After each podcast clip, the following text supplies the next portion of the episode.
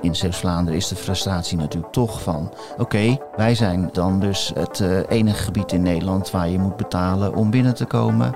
Wij klagen hier echt al jaren over. Eindelijk is het geregeld en nu wordt weer het fundament eronder weggeslagen. Zijn wij weer de pineut. Vanaf de redactie in Middelburg is dit de PZC deze week. Mijn naam is Rolf Bosboom. Nog iets meer dan een jaar en dan zou de Westerschelde-tunnel tolvrij moeten zijn. Maar nu ligt er ineens een bom onder het plan. Zijn we in Zeeland dan toch weer blij gemaakt met een dode mus? Verslaggever Ernst van Roosendaal dook in deze tunnelkwestie. En samen met Noortje de Kroo praat ik met hem. Vorig jaar is geregeld dat uh, de Westerschelde-tunnel tolvrij zou worden. In ieder geval voor personenvervoer. En dat zou ingevoerd worden in 2025. Daar was ook geld voor. Wat is er nu gebeurd? Ineens blijkt er een miljoenen tekort te zijn. En is die tolheffing uh, misschien nog steeds nodig? En hoe komt dat? Omdat een deel van het afschaffen van de tol betaald zou worden uit het rekeningrijden. En het is nu zeer onzeker geworden of het rekeningrijden ooit nog wordt ingevoerd, maar in ieder geval niet per 2030 zoals de regering van plan was. En daarmee is dus in één klap de hoop van uh, de Zeeuwen en dan vooral de Zeeuws-Vlamingen om zeep geholpen dat ze eindelijk van die tolheffing af zouden zijn eerder. Ja, je had eigenlijk iets van 260 miljoen euro nodig. Of eigenlijk nog meer als je het vrachtverkeer uh, ook al in 2025 tolvrij wil maken. En de helft van het geld hebben ze nu niet meer. Ja, ik weet niet hoe het jou vergaat, Ernst Jan. Maar als ik tegenwoordig bij dit tunnelpoortje sta en ik moet mijn pinpas trekken, denk ik toch altijd van, is het nou normaal dat we hier moeten betalen? Heb je ook wel zo'n soort gevoel? Ik heb dat gevoel inderdaad steeds sterker. In het begin uh, had ik dat niet, want dan redeneerde ik eigenlijk van uh, die tunnel is ooit aangelegd, die moest betaald worden. Er zit een hypotheek op, dus je betaalt tol. Uh, maar als je Net zoals je vroeger bij de veerboot moest betalen. Ja, en dan, uh, ik ging eigenlijk heel lang mee in de redenering van zo onlogisch is dat niet. En uh, dat vind ik nog steeds wel. Aan de andere kant, uh, als je mijn zoon neemt, die is 25, als die die tunnel inrijdt, hè, het is al 20 jaar wordt de tol gegeven. Voor hem is dat gewoon een weg waar, waar die zegt, hé, hey, ineens moet ik betalen en op alle andere wegen hoef ik niet te betalen.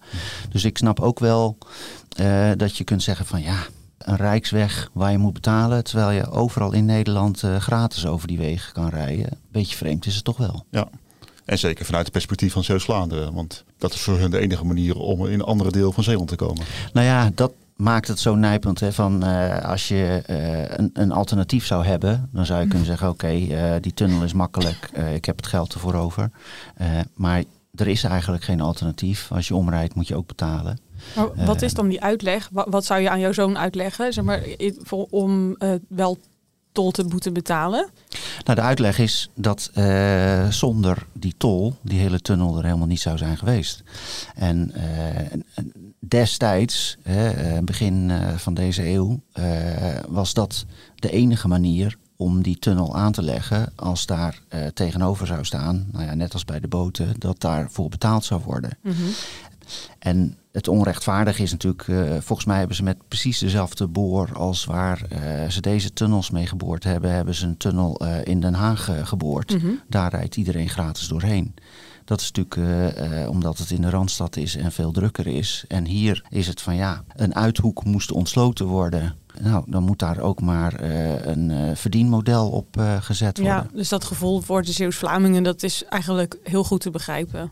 Omdat er gewoon met twee maten gemeten is. Dat vind ik wel. Uh, hoewel ik dus ook nog steeds de redenering wel snap. Of laat ik het eigenlijk zo zeggen. Als je destijds voor dit model gekozen hebt. Dan snap ik dat het best ingewikkeld is om 1, 2, 3 te zeggen van hup, geen tol meer. Nee, dat klinkt wel logisch. Maar de onrechtvaardigheid, uh, ja, die is evident. Want de tunnel is nu 20 jaar oud, hè? in 2003 geopend. Uh, de afspraak was steeds 30 jaar tol betalen. Dan is die afbetaald. Vorig jaar is er een besluit genomen of een voornemen uitgesproken om dat te vervoegen naar 2025. Hoe hard is dat voornemen? Ligt er echt een concreet besluit? Ja en nee. De Tweede Kamer die heeft gezegd van die tol moet er per 2025 af voor in ieder geval personenvervoer. En eh, alle 150 leden. Dus dat is uh, natuurlijk nogal zwaar.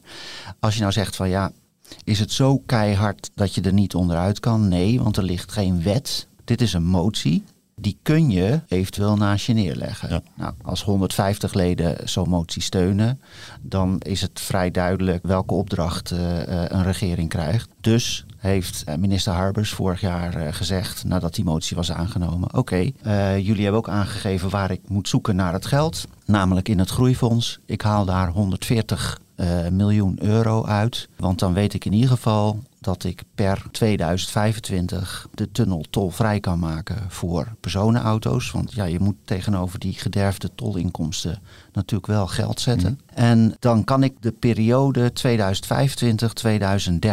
betalen. En 2030 gaat de tol er toch al af. Want het huidige kabinet had in het regeerakkoord opgeschreven: we gaan in 2030 rekeningrijden invoeren. En uh, dat betekent dat iedereen in het land gaat betalen naar gebruik. Uh, en dat betekent dat we dan ook nergens meer tol heffen, want anders uh, is het dubbel op. Dus kat in de bakkie. Iedereen wil het. Er is geld. Uh, wat is het probleem? Nou ja, dat was vorig jaar eigenlijk de redenering. Hè, van, uh, het was best verrassend, omdat de regering eigenlijk heel lang had gezegd: nou, we hebben er geen geld voor. En we houden ons aan die oude afspraak van 30 jaar tol. We hebben daar al drie jaar afgehaald, omdat we dat rekeningrijden gaan invoeren. Uh, we hebben er gewoon geen geld voor.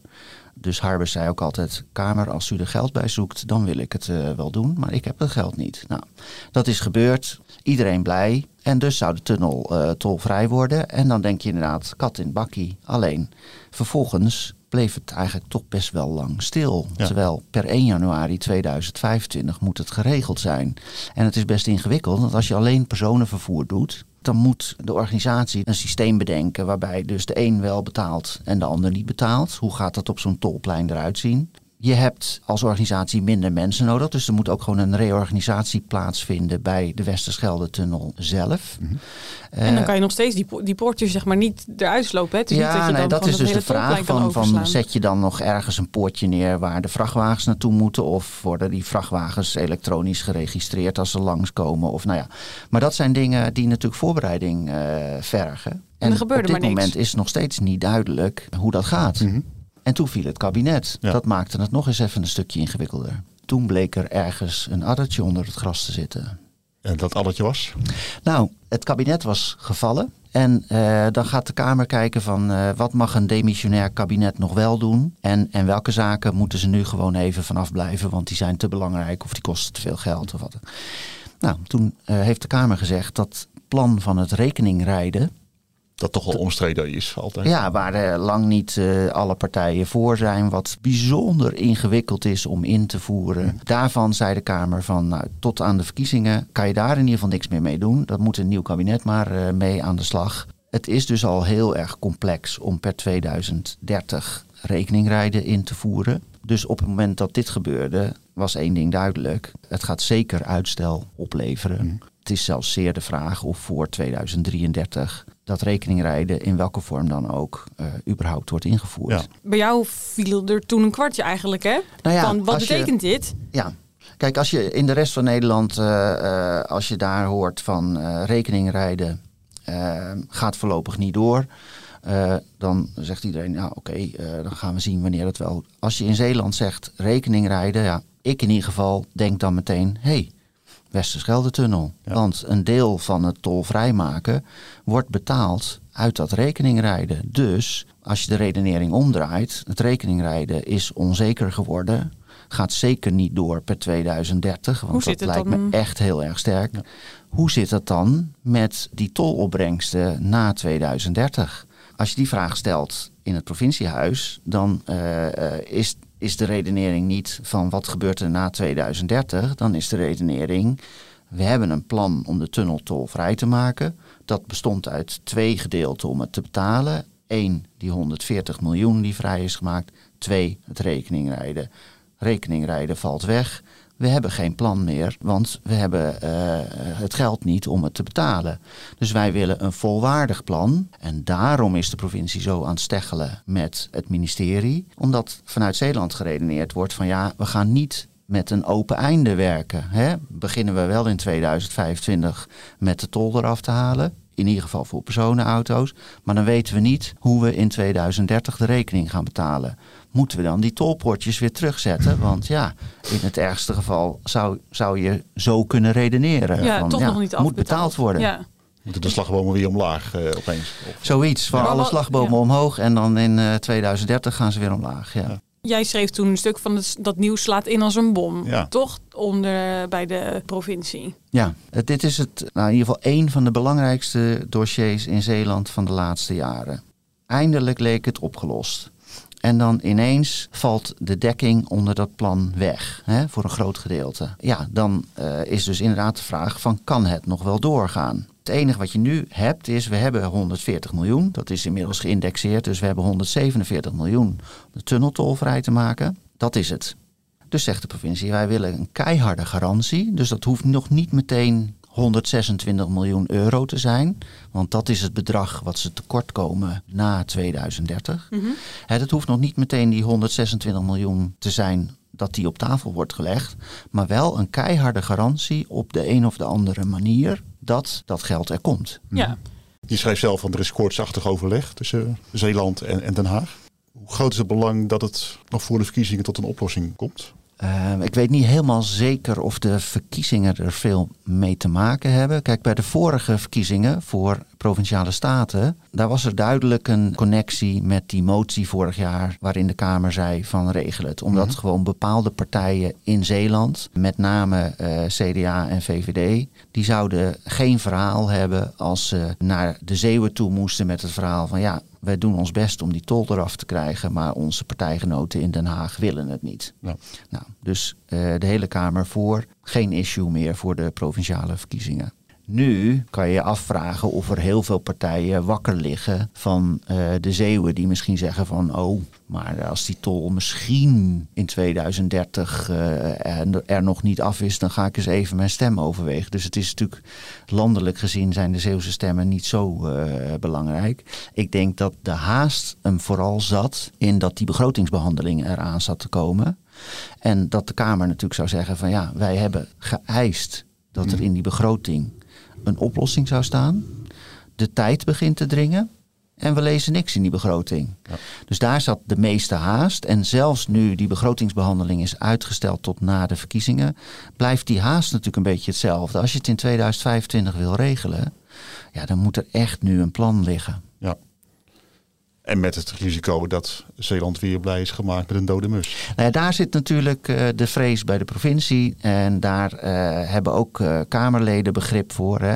De, de ChristenUnie heeft nu vragen gesteld over deze kwestie. En die verwijzen ook duidelijk naar het hele gebeuren met de marinierskazerne. Mm -hmm. Daar waren ook allerlei overeenkomsten. Er was geld, het stond overal opgeschreven. Er waren handtekeningen gezet. En toch ging het niet door. Dus je kunt nu niet naar Zeeland toe zeggen: Ah, dat komt best goed, joh. We beginnen gewoon in 2025, 2030. Ah, we vinden echt wel een potje om dat geld uit te halen.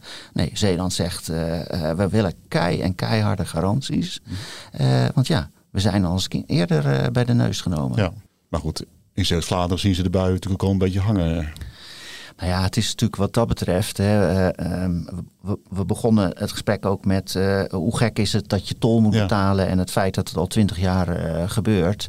In Zeeuws-Vlaanderen is de frustratie natuurlijk, en trouwens niet eens alleen in Zeeuws-Vlaanderen, maar met name in, in Zeeuws-Vlaanderen is de frustratie natuurlijk toch van: oké, okay, wij zijn uh, dan dus het enige gebied in Nederland waar je moet betalen om binnen te komen. Wij klagen hier echt al jaren over. Eindelijk is het geregeld en nu wordt weer het fundament eronder weggeslagen. Zijn wij weer de pineut? Ik snap heel goed dat ze daar met argusogen kijken van uh, wat gaat er gebeuren. Want ja, die hadden die tol het liefst tien jaar geleden al afgeschaft natuurlijk. Ja. Hoe groot schat jij de kans dat 1 januari 2025 de slagbomen omhoog gaan? 100 procent bijna. Okay. Ik denk wel alleen voor personenvervoer. Mm. Want uh, eigenlijk praat bijna niemand meer over het vrachtverkeer. Nee. Maar ik kan me werkelijk niet voorstellen dat de uitkomst hier zal zijn dat de tolheffing blijft bestaan. Dit was de PZC deze week. Je hoorde Ersan Roosendaal en Noortje de Kroo. Mijn naam is Rolf Bosboom. Volgende week zijn we er weer met een nieuwe aflevering. Tot dan! Vond je dit een interessante podcast? Abonneer je dan zodat je geen aflevering meer mist. En laat een review voor ons achter.